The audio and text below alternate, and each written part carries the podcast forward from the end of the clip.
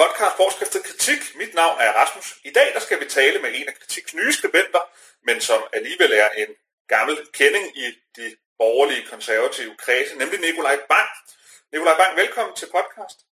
Jamen, tusind tak. Du har skrevet øh, to artikler her, efter du begyndte at skrive for kritik. Begge to med øh, kunsten som, øh, som omdrejningspunkt for dit, øh, for din indlæg, øh, hvor du retter en kritik af, af sådan, hvad kan man sige, det progressive, moderne kunstforståelse, øh, og også lidt en kritik mod de liberale, som ikke går op i andet end dyre biler og penge. Øh, vil du ikke prøve at, at sætte nogle ord på, så det var min korte introduktion, men vil du ikke prøve at sætte nogle ord på, hvad er det, du, du, du, du, du prøver at komme frem med her? Jo, jamen der er jo to dele. Den første det er, at den nuværende kunst, synes jeg, er enormt kedelig og forudsigelig. Og den anden del er, at det i virkeligheden er vores egen skyld. Øhm, og, øh, og hvis man starter med den første, jamen så kan man sige, den kunst vi ser, og vi har set de sidste, ja, i virkeligheden siden 2. verdenskrig, har været en kunst, der er udpræget af venstreorienteret. Den har de samme fortællinger, den bruger de samme virkemidler, øh, hvilket gør den unærværende og uinteressant. Når man, når man, øh, når man går på et kunstmuseum, jamen, så bliver man mødt med de her sædvanlige pointer om, at øh, borgerlighed er ondt, kapitalisme er ondt, øh, der er krig i verden, og det er helt forfærdeligt. Øh, og, og, og flere ting i den genre. Så, så snart man har noget politisk kunst, så bliver det enormt kedeligt, for vi har set det tusind gange før. Og så har man sådan en, en forståelse af, at man gerne vil provokere. Kunsten skal provokere, siger man. Og, og, og det kan da også være rigtigt. Men dem, man provokerer, er bare et fuldstændig uddødt øh, sådan spidsborgerskab, som, som faktisk ikke har eksisteret i rigtig, rigtig mange år. Fordi vi er jo efterhånden alle sammen vokset op med provokerende kunst, øh, med noget nøgenhed og noget, øh, nogle udsagn, som så skal provokere de her forestillede fjender. Og det gør bare, at det bliver kedeligt og forudsigeligt at gå på et kunstmuseum efterhånden. Ja, altså den her, øh, hvis, man skal, hvis jeg skal prøve sådan at, at, at forstå din, øh, det, det point her, det er, at, at, at dem, dem man egentlig har som modtager af kunsten, altså sådan fra kunstnerens synspunkt, det er en gruppe mennesker, der, der langt hen ad vejen ikke eksisterer længere i den forstand, at vi vi finder det ikke overraskende, at der er en kunstner, der synes, at kapitalismen den er, er problematisk. at, er at sådan, man sådan skal forstå, at, at, at, at de, de, de, de, de sparker en åben dør ind, simpelthen. Ikke? Øh. Jamen, altså, jeg vil, jeg vil jo mene, at jeg har nogle, nogle meget konservative mennesker i min omgangskreds. Øh, og der er ikke nogen af dem, som bliver provokeret over at se øh, noget nøgenhed, eller nogen, der har malet med deres tissemand, eller, eller brugt faces på et eller andet lærred, eller hvad det nu kan være, som, som skal være provokerende. Fordi vi har bare set det, fra vi var ganske små. Og derfor så bliver, så bliver den udtryksform bare kedelig og, og, og, og værdiløs i virkeligheden. Fordi man henvender sig man angriber en imaginær fjende, og man henvender sig til nogle folk, man grundlæggende er enige med. Så kunsten bliver sådan noget, hvor man klapper hinanden på skuldrene og opbygger sådan en slags, øh, det skal vi kalde det et tidligt ekokammer i forhold til, for, forhold til de her kritiserede øh, sociale grupper, der er på, på internettet. Så er det faktisk det, vi har set i kunsten i 50 år. Er det, er det fordi, at dem, der det pæne borgerskab, som jo normalt var dem, der gik op i kunst, de dannede mennesker, øh, dem der også tog til udstillinger osv., at det er ligesom en gruppe, der er blevet skiftet ud med en anden gruppe. Altså dem, der ser kunsten i dag, det er også dem, der er på samme øh, hold som den udøvende kunstner. Det vil sige, der er ikke noget skæld længere mellem kunstner og publikum, fordi de er en og samme gruppe. Altså kan der ikke være noget i, i, i, i den øh, analyse også, at, at det er klart, hvis man forestillede sig et... Øh, sådan spidsborgerlige, øh, konservative mennesker, der var dannet, og så skulle de øh, købe nyt kunst, og så faldt de bagover og fik hjertestop, fordi der pludselig var fæs. Men det er klart, at når de, øh, de kunder, man har til sin kunstudstilling, det er kvinder, der er skaldet den ene side af hovedet, og så har de lille hår den anden side af hovedet, øh, og, så, og, så, og så er det ligesom dem, der skal blive, blive inspireret og farvet. Og så er det ligesom, det falder til jorden. Ikke? Altså kan man sige, kan, kan, kan du følge det, jeg prøver at... at, at Ja, jeg har en kammerat, som er inden for, inden for teaterverdenen, og han fortalte, at, at de har jo sådan et fast publikum. Uh, altså der kommer, der kommer et eller andet antal mennesker til deres uh, forestillinger. Det er nogenlunde de samme mennesker, der kommer hver gang. De er alle sammen, kender alle sammen hinanden og bevæger sig alle sammen inden for de samme cirkler. Øh, og, og det er der, hvor vi er henne med den, skal vi kalde den, den, den progressive kunst. Altså der, hvor man, der, hvor man sådan forsøger at trække endnu mere i en eller anden retning. Så har vi den etablerede kunst, og, og der kan man sige, det der holder, holder hånden, eller hvad hedder det, holder hånden under vores, hele vores kunstverden, det er det, man kalder øh, det grå guld. Det er primært øh, veluddannede øh, damer med gråt hår. Det er dem, der går på vores museer, det er dem, der ser den kunst, som ikke længere sådan rigtig er provokerende, men som måske var det engang. Og det er sådan de to grupper, som kunsten henvender sig til.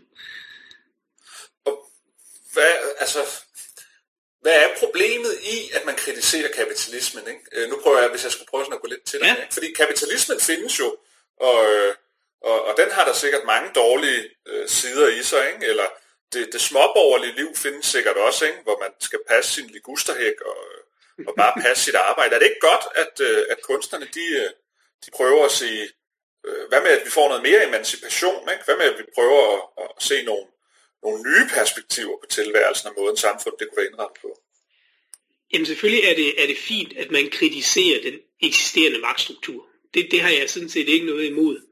Øh, det er mere det, at, at det man nok skulle arbejde hen imod, hvis man vil gøre kunsten relevant for andre end, end de frelste, det vil være noget, der henvender sig til de folk, der faktisk støtter det her system. Altså sådan nogen som mig for eksempel. Øh, hvis, hvis man vil nå mig, så skal man ikke bare stille sig op og sige, at kapitalisme er helt forfærdelig, og, og folk de dør, og det er slemt, fordi i min optik, jamen, så har kapitalismen reddet en milliard mennesker ud af, af, af voldsom fattigdom. Så skal man starte et helt andet sted, så skal man have en helt anden pointe. Og hvis man ligger så langt væk fra det almene, øh, den almene holdning i samfundet, som, som efter min holdning er, at, at de fleste folk sådan set bakker op om en eller anden form for kapitalisme, altså privat ejendomsret, retten til at købe og sælge til den pris, man nu vil og sådan noget. Det tror jeg, de fleste folk er glade for, at man kan have en bolig, man bor i osv. Hvis du starter med at, at angribe selve grundlaget for samfundet, så er det bare ikke særlig relevant at se på, fordi man føler ikke, at man bliver tilbudt noget, som, som er andet end luftkasteller. Men er problemet ikke her, at, øh, altså fordi det er jo nemt nok at kritisere øh, dem, øh, de progressive kunstnere. Hvorfor er der ikke nogen konservative, der bliver kunstnere? Altså hvorfor, hvorfor du BA i jura, ikke? Hvorfor, hvorfor, hvorfor, hvorfor, hvor, hvorfor stoppede du ikke din uddannelse, og så begyndte du at male borgerlige malerier, og begyndte at lave rytterstatuer i, øh, i, i marmor? Jamen det er faktisk også noget af det, jeg har, jeg har skrevet om i den anden artikel, fordi, fordi en ting er, at man peger fingre af de andre, men, men så kom jeg til at tænke på, hvad med os selv? Mm-hmm. Fordi nu har jeg været aktiv i, i forskellige konservative organisationer. Jeg tror, jeg har mødt én kunstner. Og, og, og det var sådan lidt en, skal vi kalde det en kuriositet. Nej, hvor interessant. Se, vi har en kunstner. Øh, hvis man, hvis man ser på, hvad det er for nogle værdier, vi, vi fremavler i os selv og, og vores børn, jamen så er det jo en stræbenhed, en målrettethed, som måske ikke passer super godt til øh, til kunstnerlivet. Og som, som, som jeg siger, hvis, hvis, en, hvis man er konservativ, så vil man helst kigge på noget kunst, der er 100 år gammel. Og hvis man er liberal, så vil man hellere ud og tjene nogle penge og gå på gourmet-restaurant, fordi det er der, den kulturelle oplevelse ligger. Ikke? Øhm, der er ikke noget sådan skabende kunsttradition i den borgerlige bevægelse i øjeblikket. Det er mange år siden, der ligesom har været det. Der kan være nogen, som, som finder glæde i at, at, at skrive noget, øh, men, men det bliver mest efterhånden på Facebook, ikke? Jo, jo. Så, så, så det, er ikke, det er ikke et sted, hvor vi, vi ud... Altså hvis man kommer i borgerlige kredse og siger, at man er kunstner, så vil folk sige, hvorfor delen vil du være det? Øh, det, det er der ingen penge i. Altså det, det er en, et udtryk for, at der på den borgerlige side er en vis grad af åndløshed. Altså vi har, vi har simpelthen forsømt øh, dannelsen Måske, og så kan man pege fingre af de venstreorienterede folkeskolelærer og alt muligt andet, men, men, men i bund og grund handler det jo om, hvordan vi har opdraget vores børn, og hvordan vi selv er blevet opdraget. Og der har vi simpelthen tabt et eller andet, som vi havde tidligere. Ja, fordi peger det ikke på øh, selve, det er jo noget, vi har diskuteret meget her i kritik, både i podcast og på skrift, altså borgerlighedens død, i den forstand, at borgerligheden har reduceret ånden til penge, karriere, status, eller det realpolitiske. Ikke? Altså det, det, det, det, ikke så er der noget flot, der er, noget, der, altså der er langt mere prestige i at være byrådsmedlem, end at være kunstner i sådan borgerlige kredse. Ikke? Altså, jo. Og, og, og, så der må vel være en eller anden form for sammenhæng mellem, mellem en borgerlig, en, en flad borgerlighed, og, og så at borgerlige meget sjældent vælger sådan kreative, kunstneriske udfoldelser. Men jeg vil gerne lige prøve at trække en parallel. Det er ikke noget, du har skrevet om, men det, det, nu arbejder jeg jo inde på Christiansborg og ser altså de der øh, mennesker, der står og demonstrerer for det ene og det andet. Det er altid, det er altid venstreorienterede mennesker, der demonstrerer. Altså det er altid dem, der står med skilte og råber og larmer og synes, at et eller andet er for dårligt. Er der ikke en eller anden form for parallel her mellem øh, både det at være udøvende kunstner, kreativ, og så også det at demonstrere osv. Altså at det peger på en livskraft, som ikke eksisterer på den borgerlige side. Fordi en kunstner har jo noget på hjerte, har jo noget, de gerne vil sige. Så kan det jo være fortærsket og blevet sagt tusind gange før. Men demonstrationer har man jo også gjort i mange, mange, mange, mange, mange hundrede år.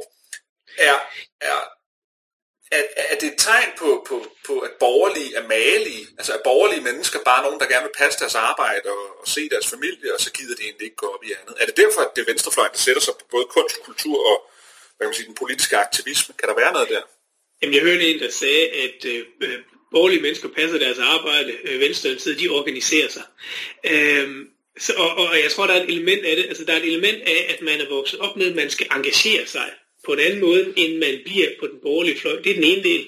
Og den anden del er, tror jeg, at, at vi har glemt følelserne. Altså vi, vi har som borgerlige øh, glemt betydningen af det at føle noget som menneske. Fordi vi er blevet meget rationelle, vi er blevet meget pragmatiske. Altså det er jo det, som om konservatismen er blevet, er blevet reduceret til øh, det mulige kunst. Og det er en enorm flad opfattelse af, hvad jeg mener konservatisme bør være, som jo er fagnende af alle facetter af menneskelighed. Og hvis man skærer følelseslivet ud af det, så får man bare sådan nogle robotagtige mennesker, der kun vil tjene penge og gå på arbejde og sådan noget. Og det er bare ikke særlig interessant som menneske.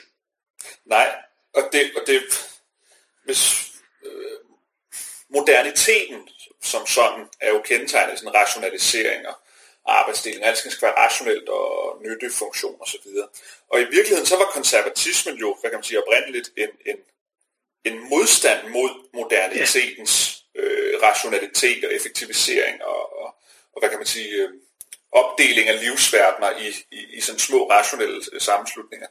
Er, er, har, har vi glemt på konservativ side, hvad vores konservative udgangspunkt egentlig er, netop en modstand mod det her rationelt kalkulerede øh, liv og samfundsliv. Øh, og, så, og så har vi glemt, at det måske egentlig i virkeligheden er venstrefløjen, der tager et opgør med det, vi også burde tage et opgør med, men selvfølgelig ud fra et andet perspektiv.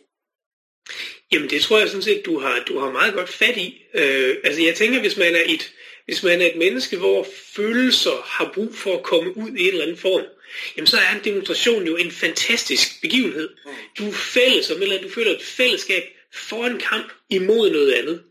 Det eneste andet sted, man, man ser det, hvor borgerlige mennesker kan finde på at gå hen, det er til en fodboldkamp.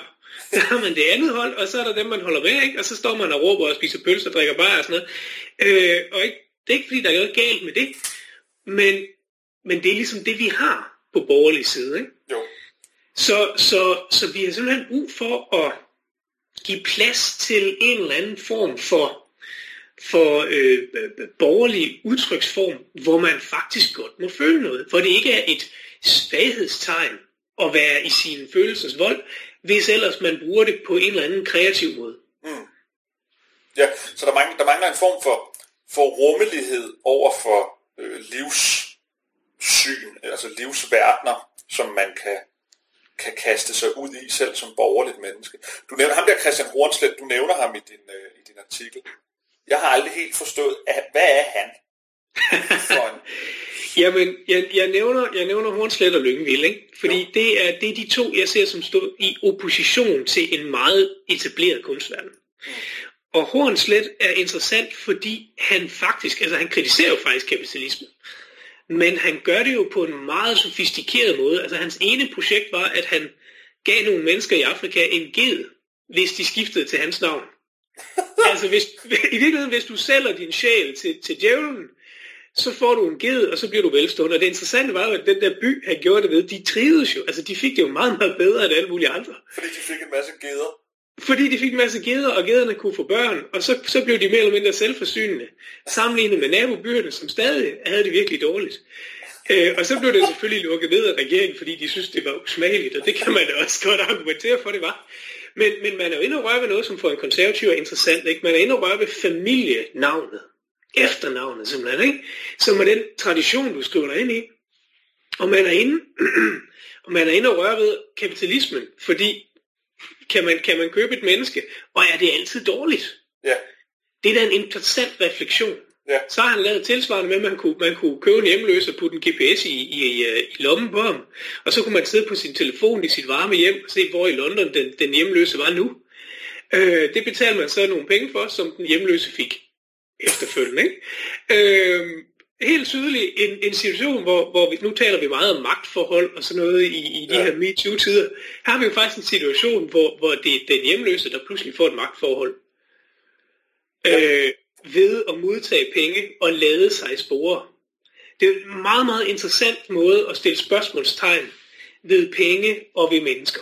Ja. Altså, Derfor hvor... nævner jeg ham. Ja. ja. Jamen, jeg, jeg, jeg tænker, at, altså, at det, det jo egentlig rejser det spørgsmål er, hvor går grænsen for, hvad markedet skal kapitalisere ja. på, ikke? Altså, ja. Øh. Øh, og, og, og, og det interessante var jo, han har lige haft en kunstudstilling i Anders, øh, det er første gang nogensinde et etableret kunstmuseum har vil udstille ham.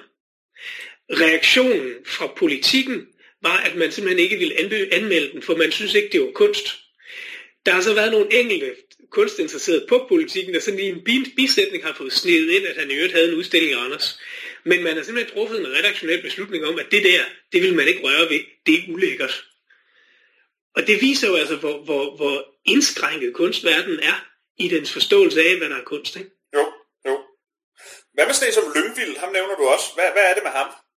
Jamen Lyngvild er jo, er jo lidt af en karakter, må man sige. Ja. Han, han kom jo frem på øh, at lave noget creme, og på at være en, en, en interessant mand, kan man sige. Sådan lidt en reality-type, ikke? Mm.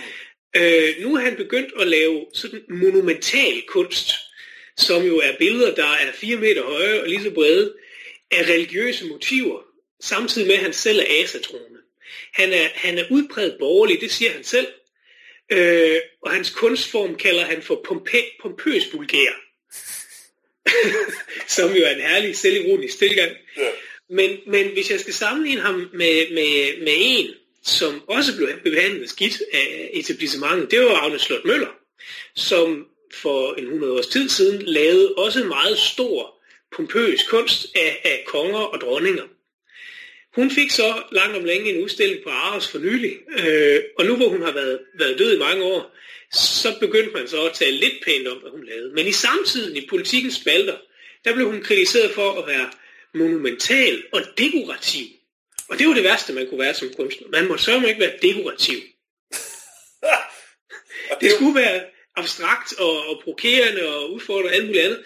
Øh, og, og det viser bare en kunstforståelse, som bevægede sig meget, meget langt væk fra, hvad en borgerlig kunne finde på og synes var interessant at se på. Er det fordi skønhed er puha i, i de der finere kredse? Altså dekorativt og pompøst og så videre, det lyder jo egentlig bare som om man prøver at lave noget storslået og smukt noget. Men det, det, det Jamen, jeg, no jeg, jeg, jeg tror, man på et tidspunkt går man simpelthen væk fra værdien af håndværk og værdien af æstetik. Ja. Og, og, og det kommer så til udtryk øh, ved, at man ikke må lave noget, der er pænt. Ja. Øh, og, og, og det kunne da godt være, at, at man havde brug for et opgør med det billedkunsten på et tidspunkt. Men det kunne måske godt være, at vi havde brug for at finde ud af, hvad billedkunsten kan, som andre kunstformer ikke kan. Ja. For der er jo meget af det kunst, der bliver produceret, som skal være edgy og som skal være provokerende, som der jo ikke er plads til i et hjem, som der kun er plads til på et kunstmuseum. Ja.